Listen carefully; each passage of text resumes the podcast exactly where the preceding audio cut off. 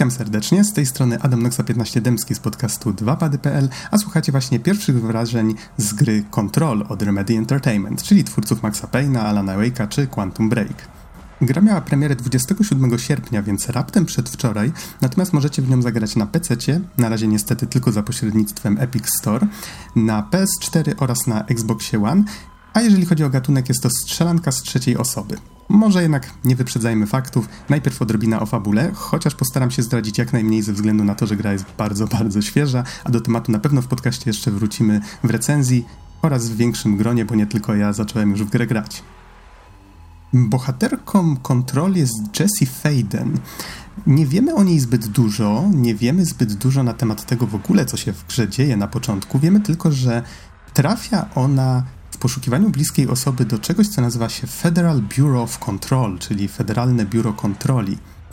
Nazwa nieciekawa, nudna wręcz, ale ma ona przede wszystkim zniechęcić postronne osoby od interesowania się tym, czym tak naprawdę biuro się zajmuje. Nie zajmie nam długo odkrycie, że są to przede wszystkim zjawiska, które wydają się nadnaturalne czy paranaturalne. Są tutaj określane w różny sposób. Natomiast jednym z bohaterów tej historii jest tak zwany najstarszy dom, The Oldest House, czyli właśnie sama siedziba biura. Jest to coś właściwie w rodzaju takiego ministerstwa magii. To jest budynek, który istnieje w centrum wielkiego miasta, ale póki ktoś go nie szuka, nie jest w stanie go znaleźć. I tutaj od razu muszę dodać, że samo miejsce jest zaprojektowane fenomenalnie, to znaczy eksplorując poznajemy świat i zasady, jakimi się rządzi. To miejsce właściwie potrafi się zmieniać, oszukiwać nasze zmysły. Do tego wydaje się, że jest zainfekowane jakąś siłą nie z tego świata, która dodatkowo je zakrzywia, sprawia, że ściany tworzą różne abstrakcyjne kształty, albo że ludzie wiszą bezwładnie w powietrzu, o ile akurat nie próbują nas zabić. Jest tu sporo fajnych pomysłów. Myślę, że niektóre mogą się spodobać fanom Persony 5, Deadly Premonition, czy właśnie Alana Wake'a od tych samych twórców. Twórcy postarali się, aby całość gry miała bardzo charakterystyczny styl. Myślę, że taka pierwsza rzecz, która bardzo rzuca się w oczy, to to, że technologia w tym biurze wydaje się taka retro. Mm, mimo że akcja dzieje się w czasach współczesnych. I o dziwo jest to wyjaśnione fabularnie w całkiem ciekawy sposób. E, do tego zawsze jak wchodzimy do jakiejś nowej lokacji pojawia się wielki biały napis mówiący nam w jakim miejscu właśnie się znaleźliśmy, czy to jakaś biblioteka, czy właśnie jakieś miejsce w tym biurze, co przywodzi na myśl e, chociażby naszego polskiego superhota. Do tego jeszcze styl architektoniczny samego budynku. Jest tu dużo betonowych, płaskich, można by powiedzieć, że pustych i przytłaczających powierzchni ścian. I może brzmi to nudno, ale dzięki odpowiedniemu oświetleniu tworzy świetną, ciężką atmosferę. Z technicznego punktu widzenia starano się oddać jak najlepiej fakturę różnych powierzchni, to znaczy właśnie marmur, drewno czy wspomniany beton. I Wydaje mi się, bo nie miałem niestety okazji zobaczyć, jak gra wygląda na PC, że z ray tracingiem, który ostatnio zaczyna być wykorzystywany w coraz większej liczbie gier, musi to wyglądać świetnie. Niestety wygląda na to, że w podstawowych wersjach konsol gra dość mocno gubi klatki. Zamieszczę pod opisem podcastu link do artykułu przygotowanego przez redakcję Digital Foundry. Tam na pewno znajdziecie więcej szczegółów. Natomiast mogę tylko dodać, że na PlayStation 4 Pro przez pierwsze 2-3 godziny nie zauważyłem, żeby gra zwalniała albo żeby coś było z nią nie tak. Sama rozgrywka jest natomiast bardzo przyjemna. Kojarzy mi się zwłaszcza z Bioshockiem. Wiem, że może się to wydawać dziwne, ale chodzi mi głównie o otwartą strukturę tej gry.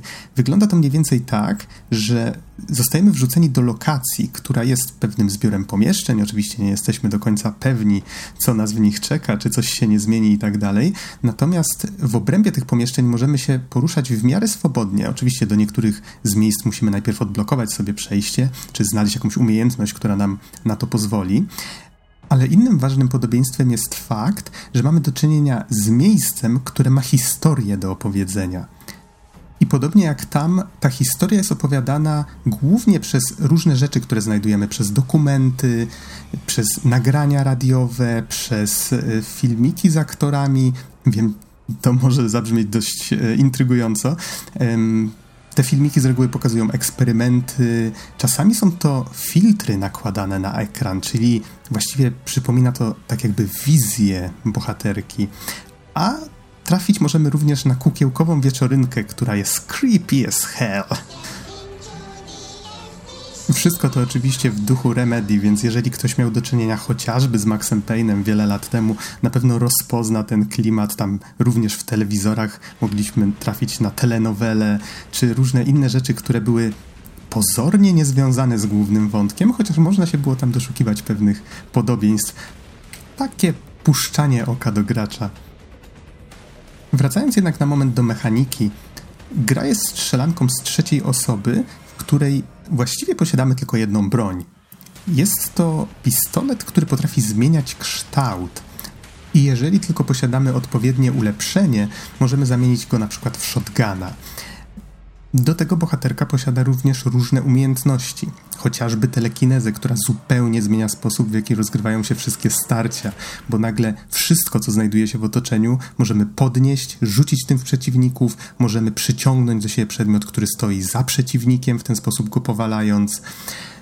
I wszystkie strzelaniny wyglądają bardzo, bardzo efektownie. Widać i czuć tutaj wieloletnie doświadczenie studia już tylko pociski zaczną przecinać powietrze i uderzać w te elementy, czy to na ścianach, czy w meble, czy w szklane panele, to wszystko rozpada się w drobny mak, lata w powietrzu.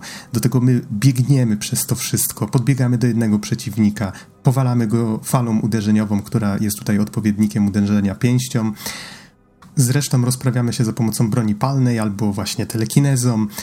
Non-stop się tutaj coś dzieje a przynajmniej tak można by z tego opisu wnioskować. Tymczasem okazuje się, że w grze jest dość sporo właśnie takich momentów, kiedy chodzimy, zwiedzamy, głównie szukamy właśnie tego backstory, chociaż jest ono czysto opcjonalne. Domyślam się, że jeżeli ktoś chciałby po prostu biec przed siebie, pokonywać przeciwników, mógłby to zrobić, ale przyznaję, że jeżeli ktoś skusi się, żeby szukać po kątach, e, znajdować właśnie te dokumenty, to dość sporo czasu między walkami będzie poświęcał właśnie na to.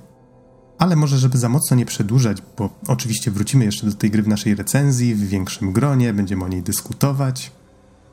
Wydaje mi się, że warto wspomnieć o tym, że na początku świat gry potrafi przytłoczyć ale po tych dwóch, trzech godzinach, które już z nią spędziłem, jestem coraz bardziej zaintrygowany, bo akcja zaczyna się rozpędzać, zaczynam powoli rozumieć, albo myślę, że zaczynam rozumieć, jak ten świat przedsta przedstawiony właściwie funkcjonuje. Do tego czuję, że powoli odzyskuję kontrolę nad tym, co się w tej grze dzieje. I mam szczerą nadzieję, że twórcy nie zmarnują tego potencjału i już niedługo pokażą mi, jak bardzo się mylę. There you have it, listeners. What we call ghosts take many forms. Quincy was brave enough to tell his story, and I encourage you to keep calling and writing whenever you encounter something strange, something you can't explain. Maybe you're seeing colors that we have no name for. Maybe your toaster is possessed. Remember, dear listeners, when no one else believes you, we do. America Overnight, we'll be right back.